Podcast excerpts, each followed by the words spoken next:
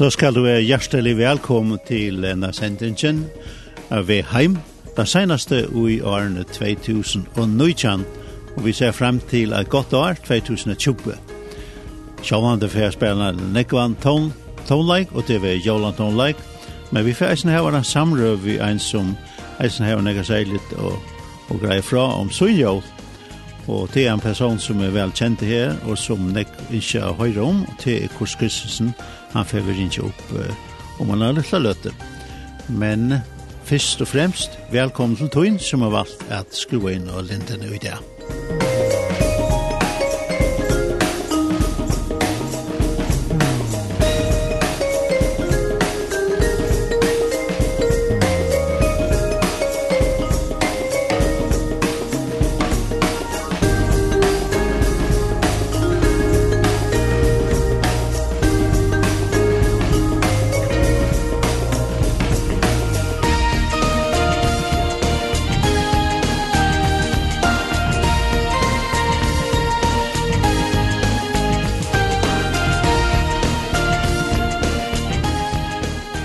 det skjerst ikke borster hver når man er uh, oppvaksen og føttet, så man det særlig at det er jól. Og uh, tog har vi valgt å spille sin danske jólatonleik, ikke utkjent for føringer, og særlig i hessemæren som har ikke tett av uh, utrolig gode leie, det er uh, Grundvig, NFS Grundvig, som har givet oss et godt leie, som et, en godt, en godt solm, deilig er den himmelblå.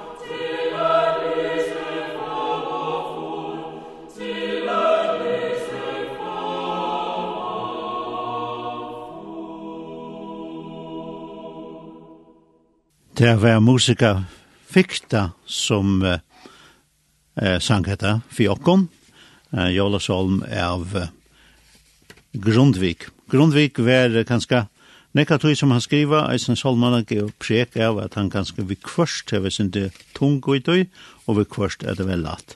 Eisen føren var at den lattare seksjonen kan man sija, og eh, men anna er kanskje sin det. Og, men i gosse så er, så er det uh, sanger som er omsett eisen til føres, og nekka tøymon, og som er kær tja nekvon og lusta etter. Nå får jeg vite at kanskje sin til lattare, det må man nok sija, og det er Mads Langer som sin til fjokken, en stjerneregn er sni.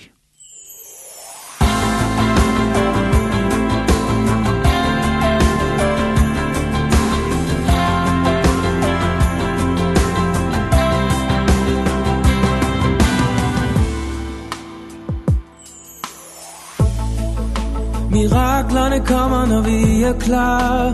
Klar til at glemme os selv. Drømmer vi nu, eller glemmer vi blot, at vi? Vakler alene, men sammen står. Sammen står vi stærkere nå. At det man kan tro på, men ikke helt forstå. Vi er så vej.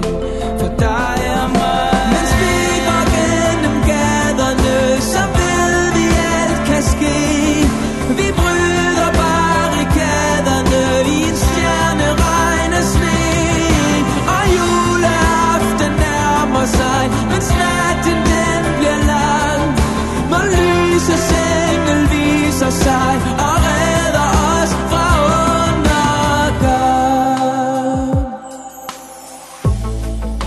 Orakler, profeter og vise mænd Findes de stadig nu Et barns fantasi er en verden af sand magi. Vi vakler alene, men sammen står Sammen står vi stærkere når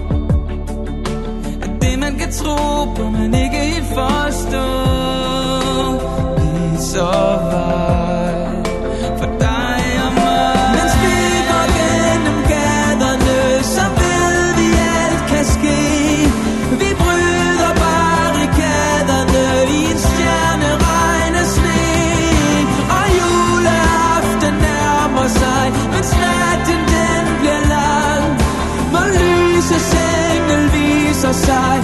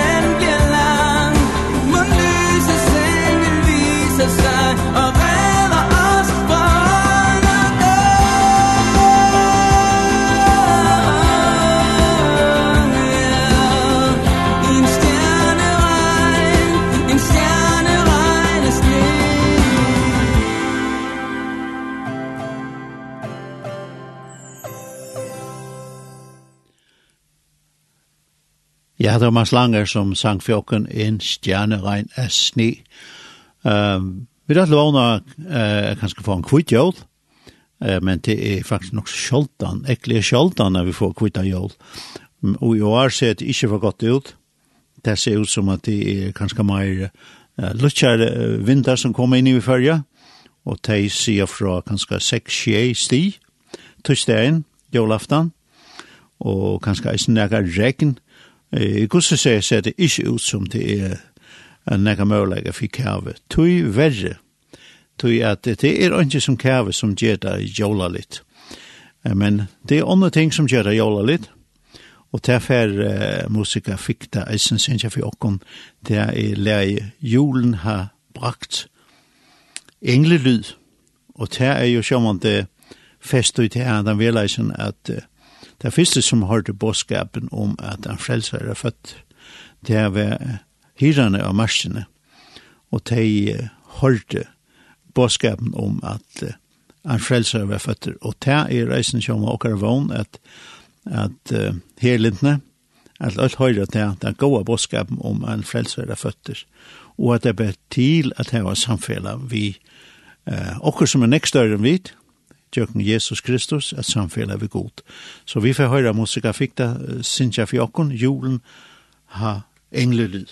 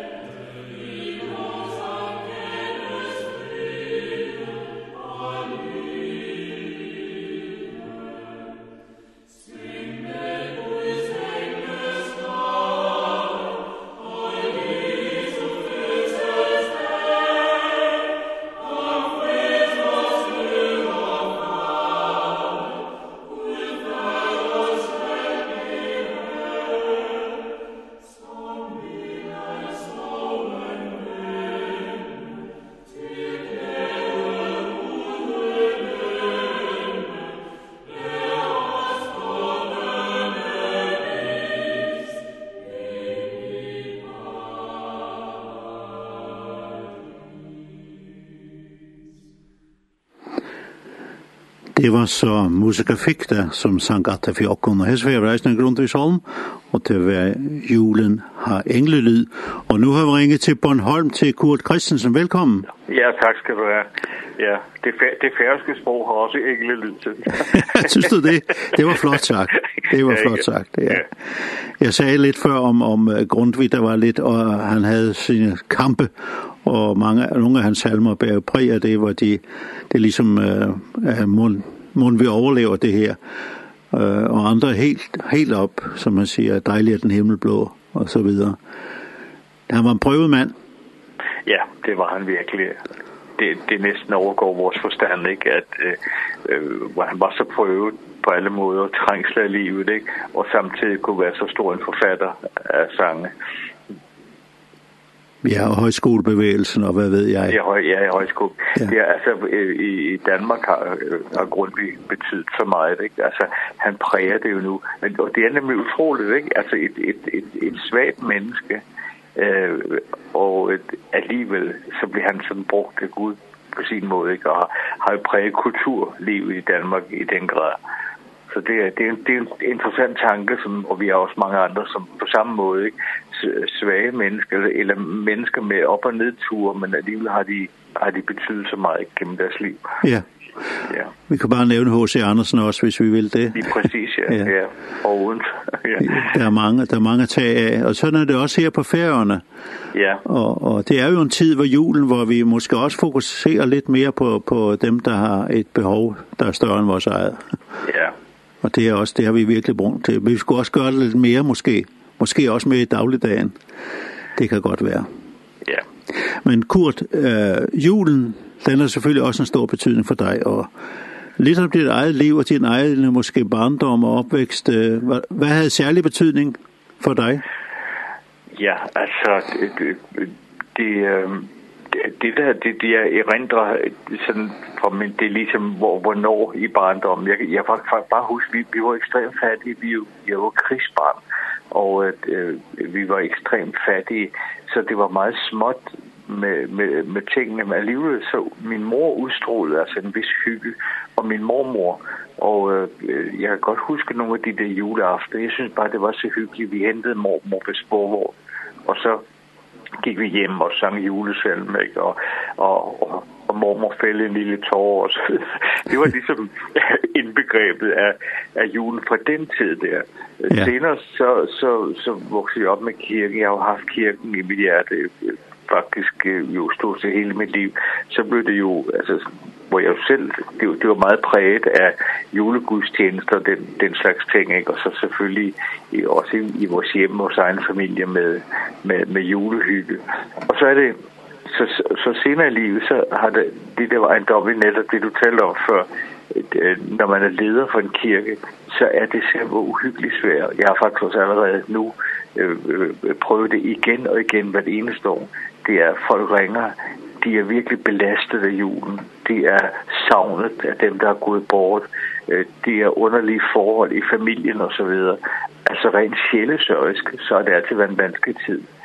Og så, og så samtidig med, så har man stået frem og forkyndt det her fantastiske øh, juleevangelium, ikke? Ja. Øh, men sådan, sådan er det, og det kan jeg også mærke nu. Altså, jeg kommer faktisk lige fra vores storby, vores capital, Rønne. Øh, og øh, i sådan et center, vi har der masser af mennesker, hundredvis af mennesker frem og tilbage, ikke?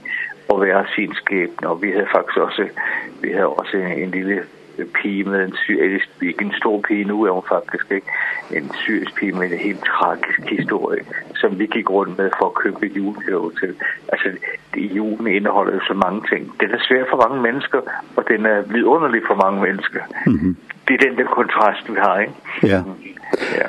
Jeg kan huske nogle år siden, eller en del år siden, hvor, hvor jeg bare snakkede sådan helt lyst med, med en ung pige, ikke sandt? Og, og, og siger så til hende, at nå nu er det jul, glæder du dig?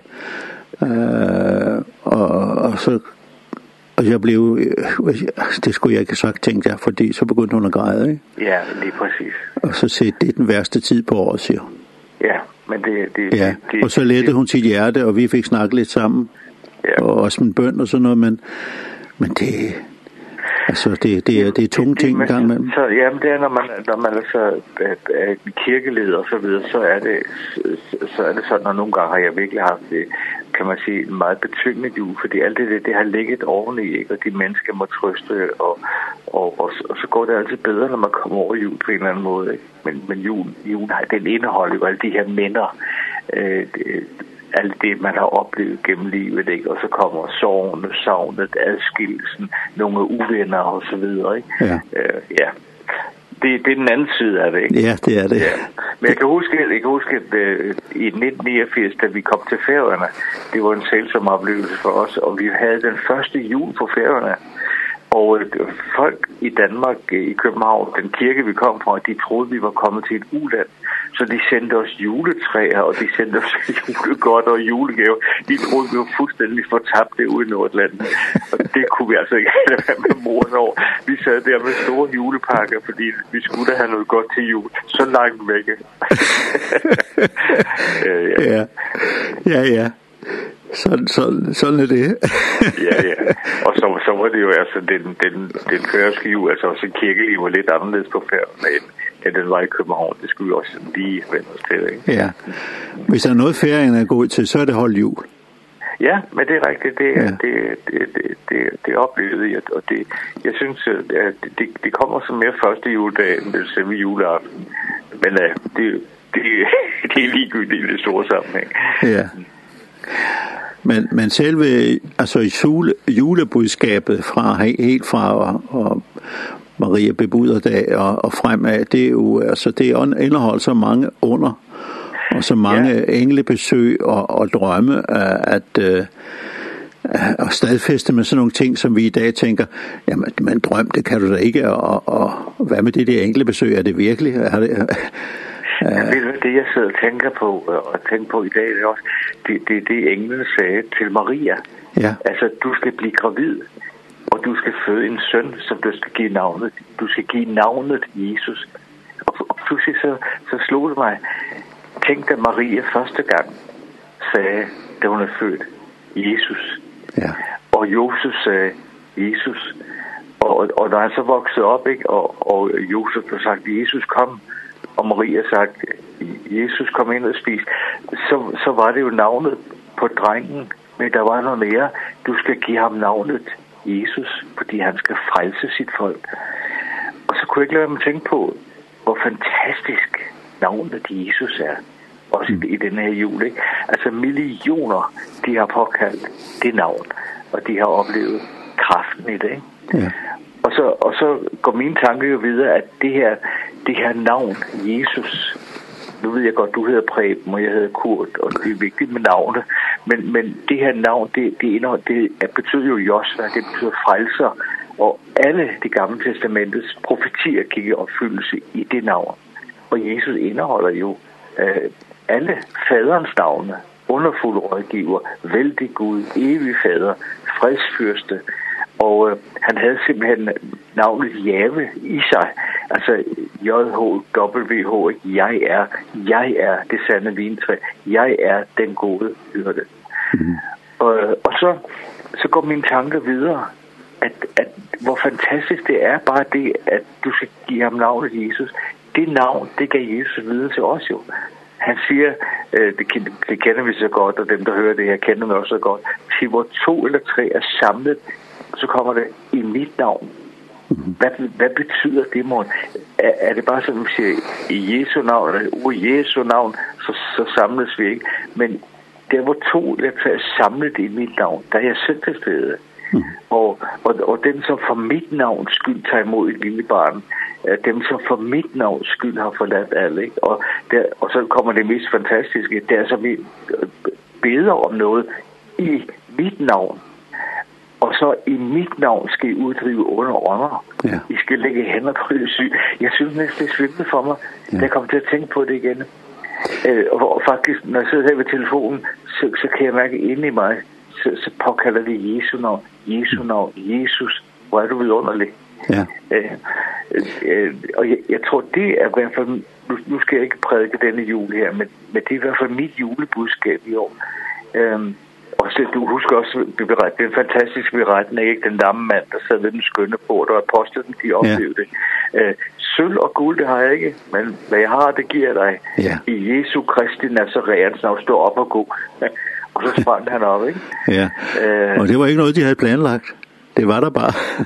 ja, men det, det, ja, og så er det, at, at vi skal jo vi skal have det ind i ja. vores kontekst. Altså, vi skal have det ind i vores virkelighed nu 2019 på færøerne, ud i alle hjemmene, øh, så skal vi have det navn ind i os. Og jeg, jeg tænkte bare på, måske er der nogen, der lytter til det nu, så står der jo en hver som påkalder Herrens navn skal frelses. Ja. Og, og der kunne vi næsten opfordre til igennem den pragtfulde radio Linden. Prøv at påkalde Jesus. Mm. Visk det, sig det, lige i det her øjeblik sige, eller bare sige Jesus, Jesus, Jesu navn, Jesus frelser os. Ja. Men så kom min tanke, snakker jeg for meget bredt. Nej, slet ikke. Nej, nej, jeg tror, det er ikke så godt at høre. ja, og så kom min tanke videre og siger, hvor er Jesu navn? Jeg kan udtale det. Jeg kan, jeg kan jo sige det rent det intellektuelt, at sige Jesus. Men der er noget mere i det. Fordi Jesu navn, hvor er det? Jesu navn, det er faktisk i mig. Kristus er i jer herlighedens håb. Det vil sige, vi bærer hans navn inden i os, i det vi er født ja. af Helligånden. Så lige nu, så bærer du Jesu navnet i dig, og jeg bærer Jesu navnet i mig hele tiden. Ja. Vi har altså vores eget navn, og så har vi et andet navn. Og når vi sådan tænker efter, så kan vi mærke det. Jeg ved ikke, hvor mange gange jeg i løbet af dagen næsten visker og taler Jesu navn. Og selvfølgelig når, når jeg prædiker, så er der en anden i mig, det er Kristus, der taler. Kristus taler, det tror jeg på. Øh, og så, så kan vi altså gå videre i prøvelserne, i kampe, i sygdom, og har man problemer her i jul, så bare prøv at viske Jesu navn, eller sige det højt, eller råb det, gå ud i fjellene og råb, Jesus, Jesu navn, ja. han er der, Ja, og det er det navn, faderen har givet os. Ja. Og så, og så er der også, når man, når man så har det navn i sig, det er lagt mærke til, så når man så konfronteres med noget, så har du ligesom noget andet i dig. Øh, også hvis man bliver fristet lidt indimellem, så pludselig så siger jeg, jeg har jo Jesus i mig. Jesu navn, det er jo i mig. Og også hvis nogen bliver sure på en, ikke? Så, så farer man ikke lige op og, og skiller igen. For jeg har, jeg har jo Jesus i mig. Øhm, og du, du kan også huske, øh, det vi selv brugte, da vi, da vi begge to var, var menighedsleder deroppe på færgerne. Altså, og det slår mig hver gang, når, når jeg læser det.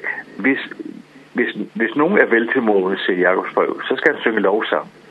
Altså, det, det, er ikke, ja. det er ikke bare det, at man, man, man, man har lov at være veltilmålet, men så hvis man er syg, så siger du, så skal du synge lovsangen, og så skal du sige tak og alt muligt.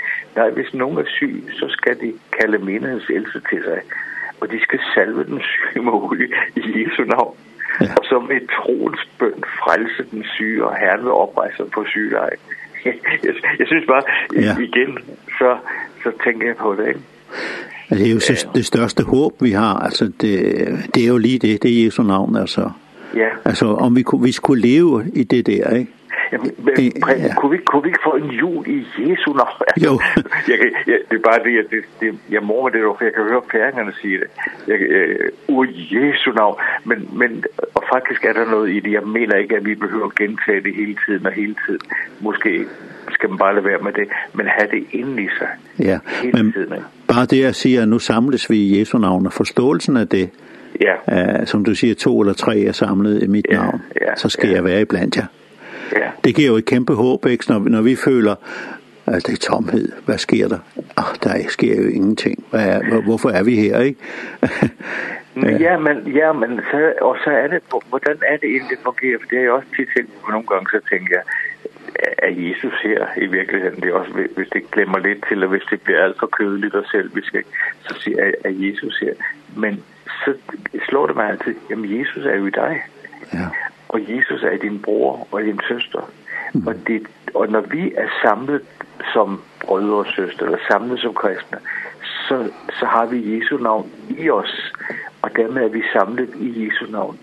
Og jeg tror, vi skal frigøre det lidt mere, så vi ikke sidder ligesom og bedømmer alting alt for meget, men siger, nu er vi samlet i Jesu navn. Ja. Og så har faderen givet os det navn, og i det navn er en umådelig kraft, i det navn er en umådelig åbenbaring. Mm og, og, og jeg, der skal også være en ydmyghed i vores hjerter. Han har fået navnet over alle navne, mm. siger skriften, ikke? Ja. ja. Og jeg bliver begejstret. Ja, men det forstår jeg godt. Det gør jeg også sandelig også, når du taler lidt om det her, ikke? Ja. Og forståelsen af det. Uh, Ja. Uh, men, og, men så mener jeg bare, så kunne vi, vi kunne få det budskab ud i dag, at, at ja. en jul i Jesu navn. Ja. Det sætter den ekspert på plads, ikke? ja. Og jeg tænker også, at den, uh, lidt senere i, i historien, når Jesus skal uh, i templet, og de to der, Ja. Uh, de står de, de gamle står og venter eller ja. de har ventet Sibion, hele deres Sibion liv. Andre, ja, ja. de har ventet hele deres liv. ja, jamen det var det. Ja.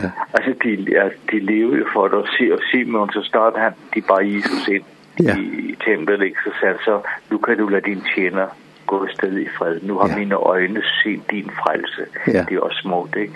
Ja. Og, og, og Anna Fanuels datter, ikke? Hun tjente Gud med fast og bønder nat og dag, og, og, og havde det håb i sig. Hvornår ja. kommer han? Hvornår kommer han? Så det var et fantastisk øjeblik, da Jesus blev brugt frem. Ja. Og, og, og så hun fik at vide, han hedder Jesus. Ja det fik Simon også ved, hans navn er Jesus. Ja. Og, og jeg tror Simon, det han har, han har sagt det med og Jesus. Altså det, det er noget andet bare navn. Ja. Det, det, det rummer simpelthen så meget, ikke? Ja. ja. Altså det, det er også den utrolige uh, tro, de har haft, de, uh, de venter, og hun har fastet, og sandsynligvis er jo blevet regnet for at være uh, lidt underlig. Ja, Ikke, det er der ingen tvivl om. Nej, nej. Men hun har haft nogle børn, og det har hun bare ja, gået ja, efter. Hun, ja, hun ja. var jo en, en enke, ikke en tidlig ja. alder, så ja. øh, øh, bad hun. Men også det, vi tænker på, ikke? Altså, så snart du siger øh, over telefon, det er præben, så, så med, i mine tanker, så danner der sig, uden jeg tænker over det, så er der pludselig et billede, jamen det er præben jo, det er min gode ven, det er præben. Altså, alt hvad du repræsenterer, det er indeholdt i dit navn. Preben, ikke? Ja. Øh, og, og, og jeg hedder Kurt, det har jeg ikke valgt selv det navn, øh, men det gjorde mine forældre, ikke? Og, og, og det er ikke så surt, det hedder Kurt, men det hedder jeg altså. Men, men mit navn, det repræsenterer noget, og, øh, og sådan repræsenterer øh, vores navne noget i, i denne verden. Det har betydning, mener ja. navne. Og, og færingerne er jo meget smukke, til at give navne ud fra slægten. Ja. Altså, det, det betyder Marne og Schibo for eksempel, og andre navne. Det betyder noget. Det, det er vores navne. Men så tænk, som er Jesu navn. Og så er det også, hvis vi skal ved navn, så kender jo også Jesus også ved navn. Ja. Han, han, han, han ved, hvem Preben er. Øh, ja. han, han ved, hvem han siger. Han, han, han, han ved simpelthen, hvem vi er. Og så hvis du vil have kronen på værket, det er så, når vi når himlen ind i herligheden, så får vi et nyt navn. Ja. Og han får også et nyt navn. Og så, og så, så løber det ud i den store herlighed. Fantastisk. Vi glæder os til denne jul, Kurt. Og, og vi glæder os sammen til at være sammen. Du skal være sammen med din familie, og, og jeg skal ja. være sammen med min familie. Ja. Og alle dem, der sidder og lytter, skal være sammen med sine familier. Og dem, der er alene, at de skal være sammen med Jesus. Ja, ja. Der, der har du det nemlig. Du er ikke alene. Nej. Du kan være ensom, men du er ikke alene, for Jesus er der, og ja. Jesus bor i dig. Ja. Ja. God, tak for, at vi går ringet op, og jeg tror, jeg, jeg skal slutte med, med en, en her, det er rigtig dejligt øh, sang, det er dejligere jorden. Ja. Og det er DR's pigekor, som synger for os. Så, ja. så vi siger fra herfra glædelig jul. Ja. Og herre velsigne på Bornholm. Ja. Tak skal du have, og herre velsigne på færden. Ja. Hej, Hej. Hej.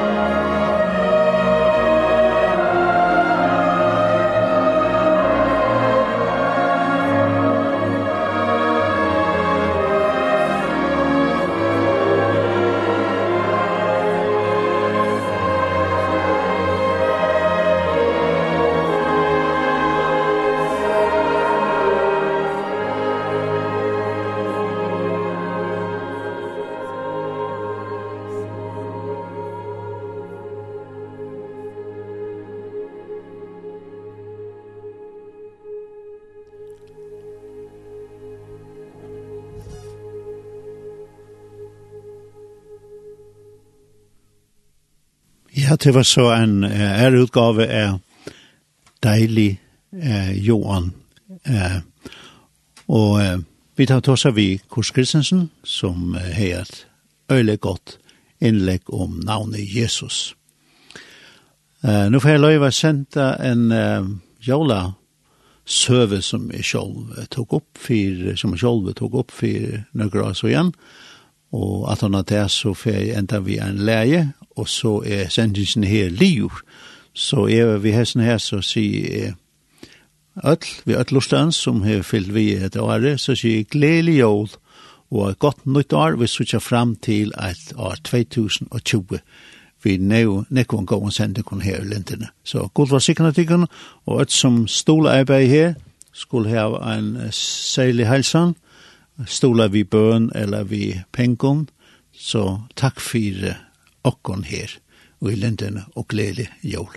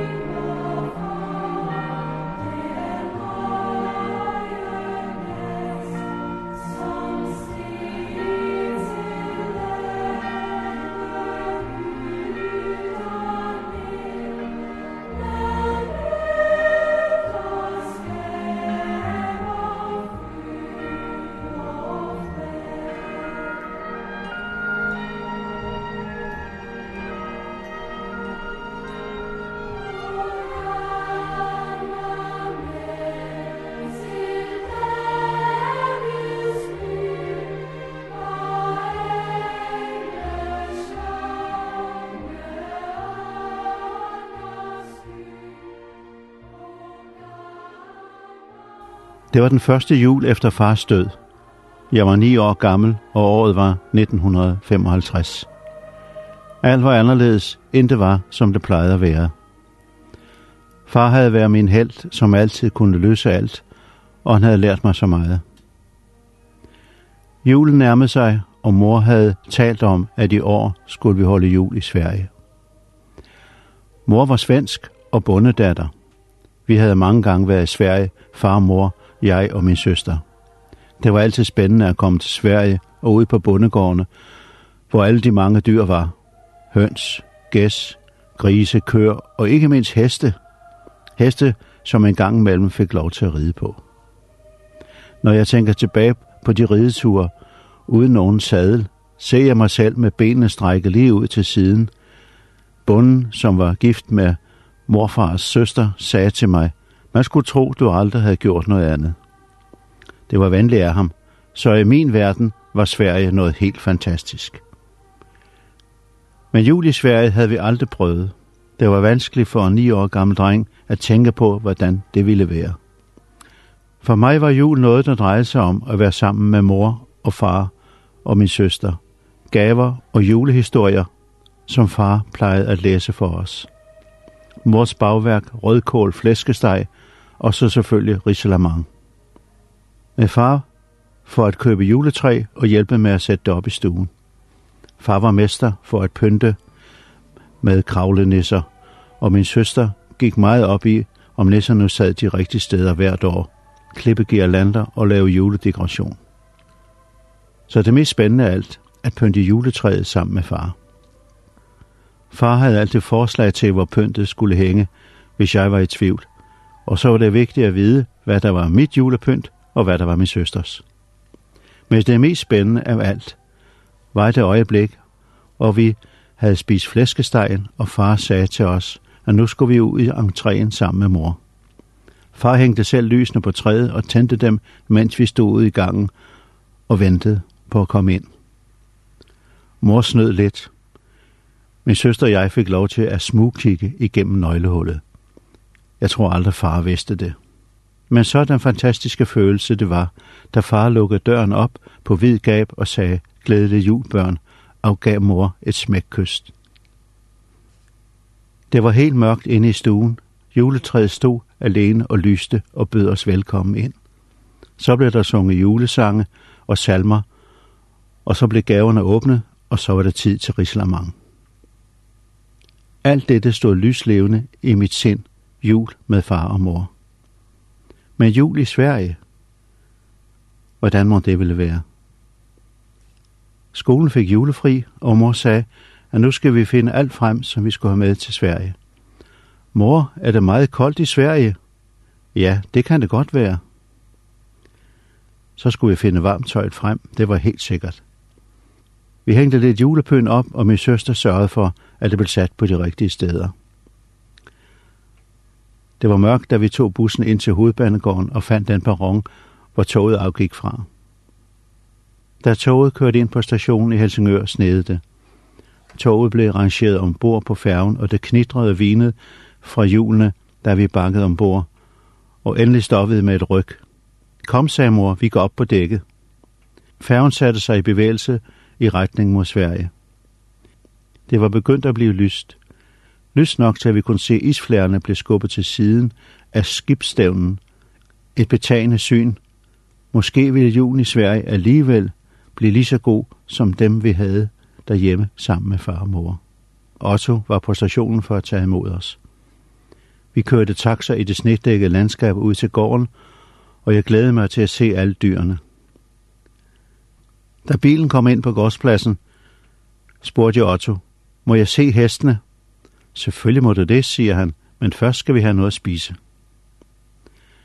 Mors faster stod i døren og tog imod os. Kom ind, bordet står klart. Vi var rigtig sultne og spiste, som om vi aldrig havde set mad før. Bundens kluglatter og hans opfordring til at spise mere viste noget om, hvor velkommen vi var. Dagen efter gik vi med bunden ud i skoven for at finde passende juletræ. Der var træer, som var højere end juletræet på Rødhuspladsen i København. Alle var klædt med sne på grenene. Bunden var hurtig med øksen, og snart fik min søster og jeg opgaven med at trække træet ud af skoven, hvor der lå dyb sne. Træet blev pyntet, og dagen efter var juleaften, og mors faster havde serveret julegås, og det smagte godt. Jeg kunne høre, at mor sad og snakkede med Ruth og Otto om far, mens jeg legede med de dejlige julegaver, jeg havde fået. Børn, nu må I i seng, for i morgen tidlig skal vi stå op, og vi skal på julotteren. Hvad er det for noget, mor? Ja, det er noget med, at man synger og hører god musik. Nu må vi skynde os, ellers så kommer vi for sent. Det var mor, som allerede var oppe og prøvede at få liv i mig og min søster – Det var hundekoldt inde i kammeret, hvor vi sov. Der var ingen kakkelovn. Ja, der var slet ikke nogen varme, så det drejede sig om at komme ud af sengen og i tøjet hurtigst muligt. Vinene fra taxaens hjul, der spændede rundt ude på gårdspladsen, hørtes tydeligt ind i køkkenet, hvor vi sad og fik en brid brød. Nej, det går ikke da, kunne jeg høre bunden råbe. Vi får ta hest og slette. Mor, hvad er hest og slette? Kom, så skal du se, sagde mor. Udenfor var det bidende koldt, det bed i næsen, og bunden Otto havde åbnet den store ladeport, og derinde stod kanen. Otto kom med hesten, han spændte hesten for kanen, og så gik vi alle sammen op i kanen og fik tæpper rundt om benen. Otto tændte to fakler ind på hver side, og så gik der sted. Når vi passerede gårdene på vej til kirken, kunne vi se, at der var tændt levende lys i alle vinduerne. Kirken lå nede i en dal, og det kom ud på bakkekammen, kunne vi se alle de andre kaner med fakler nærme sig kirken. Et syn, som brændte sig fast på nethinden på en lille dreng. Inde i kirken var det levende lys og pyntet med græn. Det lugtede herligt. Så begyndte alle at synge salmer, og en trompetist spillede sammen med Aarle. Præsten fremsagde bønder, og alle lagde sig på knæ og gentog dem. Det var, som være i himlen, tænkte jeg. Bare det dog ikke havde været så koldt i den gamle stenkirke. Men så blev det alligevel jul i Sverige. For en stund glemte jeg alt og kunne nyde lugten og sangen og musikken.